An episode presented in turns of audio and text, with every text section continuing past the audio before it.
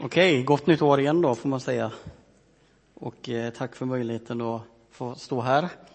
Det var ett tag sedan senast. Eh, vad roligt Samuel att du pratade om nyårsluften. Eftersom jag var den enda som hade gjort ett nyårslufte. Och det var också så att det handlade om vikten. Eh, men jag har börjat i alla fall. Jag har börjat cykla igår. Och börjat äta råkost istället för massa annat som jag åt istället. Så att eh, de här 5, 6, 7, 8 kilona som eh, har kommit 2014, de eh, ska bort. Men som sagt, då vet vi hur det slutar. Nästa år är det dags igen. Det kommer ett nytt löfte. Nej, men det är... Men... Ja, vi får se hur det blir. Vi får se. Det är en bra början i alla fall. Ehm, jag brukar alltid alltid reflektera när jag går in i ett nytt år. Jag vet inte hur ni är, men jag, jag är sån i alla fall. Jag, eh, jag är en eftertänksam människa. Tyvärr inte, jag tänker inte alltid före tyvärr, utan jag tänker efteråt. Men det, jag tror det är bra att vara eftertänksam också, för man lär sig mycket. Jag har lärt mig jättemycket. När jag tittar tillbaka på 2014 så tror jag vi alla upplever samma sak. Det finns glädjeämnen och det finns sorgämnen fotbolls-VM var roligt, även om inte Sverige var med. Det är sånt som jag tycker är roligt att tänka tillbaka på. Eh, samtidigt ser man fram emot det nya året. Om en månad så ska jag få bli pappa för andra gången. Det ska bli roligt. Eh, det är någonting man ser fram emot. Får vi se hur det, hur det blir att ha två barn, men det, det är ju så många andra som har klarat det, så då ska vi också klara det. Eh, så det finns mycket jag funderar på. Eh, sen kan man inte låta bli att tänka på det andliga livet. Jag vet inte hur ni är, men jag är sån i alla fall. Hur var mitt andliga liv 2014? Hur var min relation med Jesus? Och hur vill jag att den ska vara? Det är det det kommer handla om idag. Tack för eh, texten där som du läste. Eh, från Johannes 15. Innan vi eh, fortsätter så tänkte jag att vi skulle be tillsammans. Jesus, tack för att vi får samlas här. Tack att vi får läsa ditt ord och vi får, som Ingmar brukar säga, samlas till gudstjänst i fred och frihet. Jag tackar dig för det. Jag tackar dig för att du är med oss idag. Jag tackar dig för att du vill tala till oss, Herre. Du vet, i alla fall för mig är det så att det är här är en tid av mycket reflektion. Och jag ber, Herre, att du ska Hjälp oss att reflektera, Herre. Och att vi får möta dig idag. Tack att du vill tala till oss. Och jag ber att varenda ord som sägs inte ska vara mina ord, utan de ska bara vara dina ord, Herre. Men jag ber att vi ska kunna lyssna med ett öppet hjärta. Amen. Bli kvar i mig så blir jag kvar i er, säger Jesus. Bli kvar i mig så blir jag, så blir jag kvar i er. När jag läser den här texten så tolkar jag det, eller jag tänker på en sak och det är att vi är helt beroende av Gud. Helt beroende av honom. Han säger själv, ni kan inte göra någonting utan mig. Ingenting. Om vi inte blir kvar i Jesus så blir vi som grenar som kastas bort och vissnar. Och det känner inte jag för att vara en sån gren, jag vet inte hur ni tänker men det känns inte så roligt. Samtidigt så är ju våra liv sådana ibland att vi, man känner att det vissnar lite. Bli kvar i mig så blir jag kvar i er. Låt era liv bära frukt. Jesus är väldigt, väldigt tydlig. Att vi är beroende av honom. Men jag tänker så här, det är så lätt, jag vet inte hur ni tänker, men, men Bibeln, när man pratar med en del folk så tycker jag då att folk att ja, men det där skrev för 2000 år sedan, det gäller inte mig. Men det tror inte jag, jag tror inte det är sant. Jag tror att varenda ord gäller oss. Och därför ser jag, ser, det jag, ser jag det som att det är Guds levande ord till oss idag. Om han då säger bli kvar i mig så blir jag kvar i er. Då är det viktigt, så tänker jag. Men vi går tillbaka lite grann på det vi pratade om där med 2014 och 2015. Om vi tittar på de andliga sakerna 2014. Hur tänker du med ditt liv? Hur var ditt liv? Och hur vill du att ditt liv ska vara? Om vi tittar på det kristna eh, sammanhanget, om jag säger så, de kristna i, i vårt land och vår värld. Vad säger vi då? 2014, hur var det? Även där glädjeämnen och sorgämnen. Tittar vi på Det finns de som förföljs, så är det alltid. Det har vi, det har vi hört i många år. Jag, jag, tänkte på det när jag förberedde mig att jag kan, jag kan stå och säga här att ja, det finns människor som förföljs, men jag har aldrig uppfattat, jag kan inte, jag kan inte, jag kan förstå med mitt förnuft och mina tankar att det är jobbigt, men jag kan ju inte leva mig in i det, för jag har aldrig blivit förföljd. Men tänk att det är människor som förföljs för sin tro. Tänk vad bra vi har det.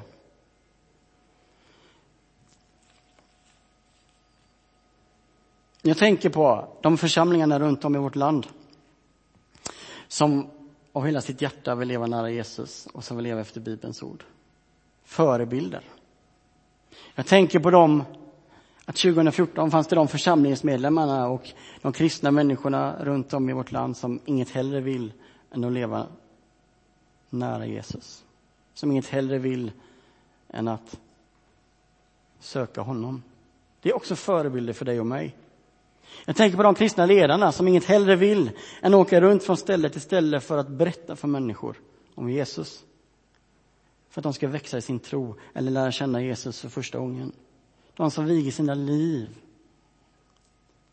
åt honom. Men så finns det även de, när jag tänker på 2014, vad är det jag hör i media, vad är det jag läser i både kristen media och i profan media? Jag tänker på alla de tyvärr, alla de församlingarna som måste läggas ner. Ofta är det ju frikyrkor, små frikyrkor i mindre sammanhang, men ändå. Kyrkor som läggs ner. Hallå? That's a big problem. Jag tänker på församlingarna där, man, där Bibeln inte är en central del. Där relationen med Jesus inte är så viktigt. Helst ska man inte nämna Jesus så mycket för att det är, jag tänker på det, jag har aldrig hört den här versen som du läste, Samuel. Jag har aldrig hört den. I och för sig brukar jag inte kolla på det programmet, men ändå. Jag har aldrig hört det.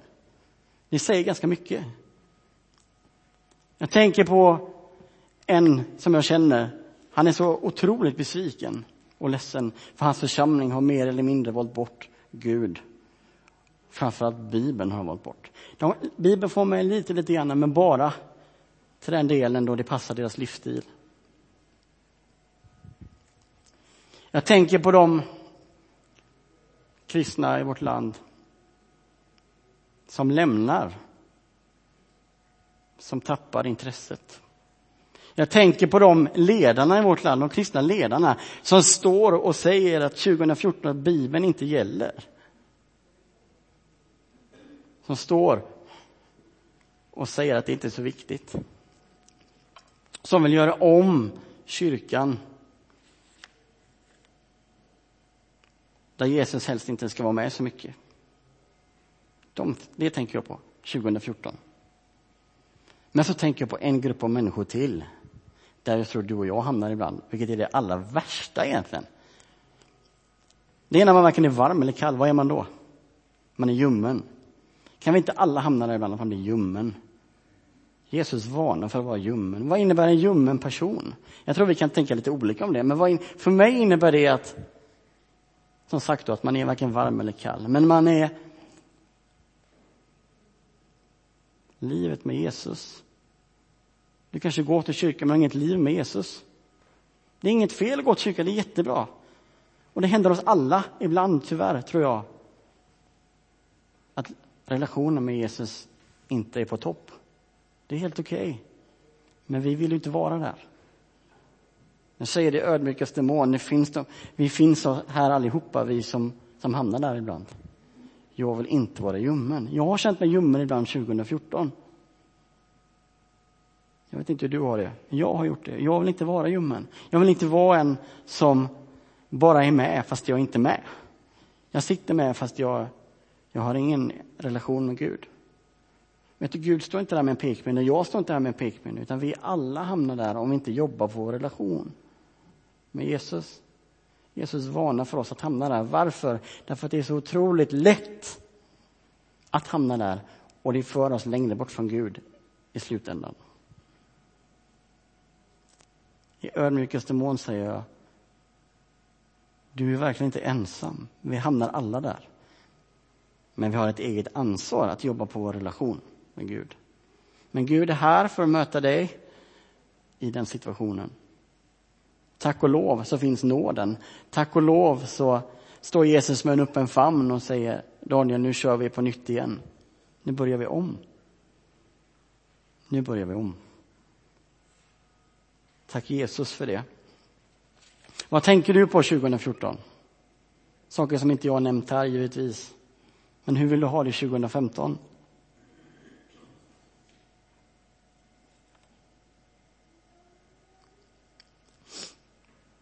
Jag tror man ska se upp när man märker att ens prioriteringar blir annorlunda. Man märker att man inte prioriterar kyrkan, man märker att man inte prioriterar att ta tid med Gud. Jag hörde någonstans att, ja, jag ska inte säga exakt vilken position Sverige hamnar på, men jag hörde någonstans i alla fall att vi låg väldigt, väldigt långt ner när det gäller att läsa Bibeln. Och då pratar jag bara om de kristna då.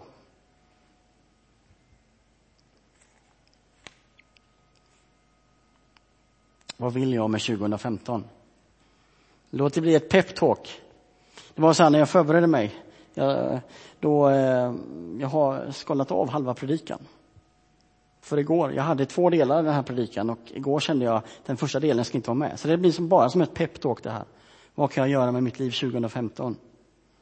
Allt kan vi göra tillsammans med Gud. Det första steget är att vända om till Gud. Vända om till Jesus, för han står här med en öppen famn.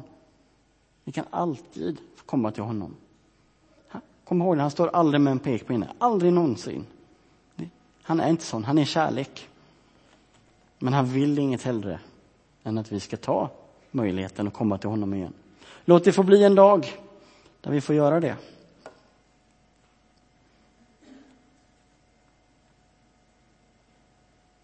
Jag ska läsa till här. Låt inget i livet få dig att tappa fotfästet, hur tungt det än är.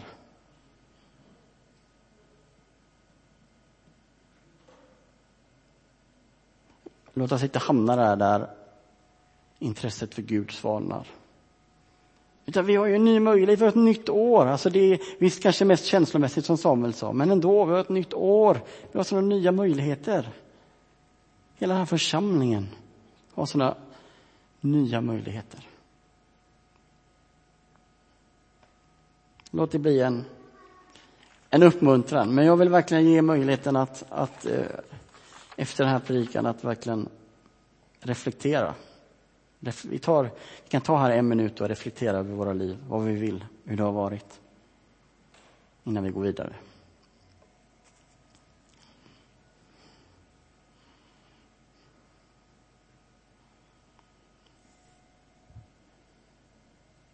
Jag vill ge en liten utmaning också. Vill du, känner du för att få förbön och starta om, känna att det här är dagen du startar om. Oavsett vart du är i ditt liv. Så ta den möjligheten. Vi har förebedjare här i lilla salen här borta. Ta den möjligheten. Ta den möjligheten. Det går givetvis bra att sitta i bänken. låt någon, den som sitter bredvid dig eller bakom eller framför, be för dig. Vi är här tillsammans.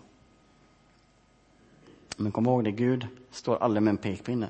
Han står med en öppen famn. Men däremot så utmanar han oss och önskar av hela sitt hjärta att vi ska komma. Så är det. Låt oss be tillsammans. Jesus, tack för att vi får komma till dig. Tack att du aldrig står med en pekpinne, utan du alltid står med en öppen famn. Ibland kan det kännas som att du kanske står där med din pekpinne ändå, men det är inte sant. Det är inte du som säger det. Du står aldrig där med en pekpinne. Utan du står bara med en öppen famn. Därför att du är kärlek. Du är vår glädje. Du är vårt liv. Utan dig har vi ingenting, Jesus. Utan dig så lever vi ett liv utan mening. Det är bara du, Jesus, som är vår mening. Herre, låt det bli ett år där vi verkligen får växa i vår tro på dig. Eller där vi får lära känna dig för första gången. Tänk att du möter oss där vi är. Du vet hur vi mår, du vet hur vi känner. Du vet allt vi har omkring oss, Herre. Du vet att ibland orkar man inte utmana sig själv för att det är för mycket. Men Herre, du är där. Du ser det och du vill bara bära det. Du vill bära oss. Tack att du lyfter av våra bördor. Det står att vi ska kasta våra bördor på dig, våra bekymmer på dig, Jesus. Du som har räddat oss, du som lever idag, du som snart kommer tillbaka, Herre. Herre, du vet att vi lever i en tuff tid, en svår tid. Där vi kan och kommer att bli hatade, Jesus, för ditt namns skull, därför att vi tillhör dig. Men låt oss inte bli sådana att vi ger upp, Herre. Därför att människor avskyr oss. Utan hjälp oss att vara frimodiga och våga stå upp för vår tro. Låt vår tro vara äkta och sann, Jesus. Och vår relation med dig. Låt oss komma förbi vår ljummenhet och få bli varma, Jesus. Tänd elden i våra hjärtan och låt den aldrig slockna. Möt var och en här inne idag. Du vet precis hur vi har det. Allihopa. Tack att du är mitt ibland oss. Amen.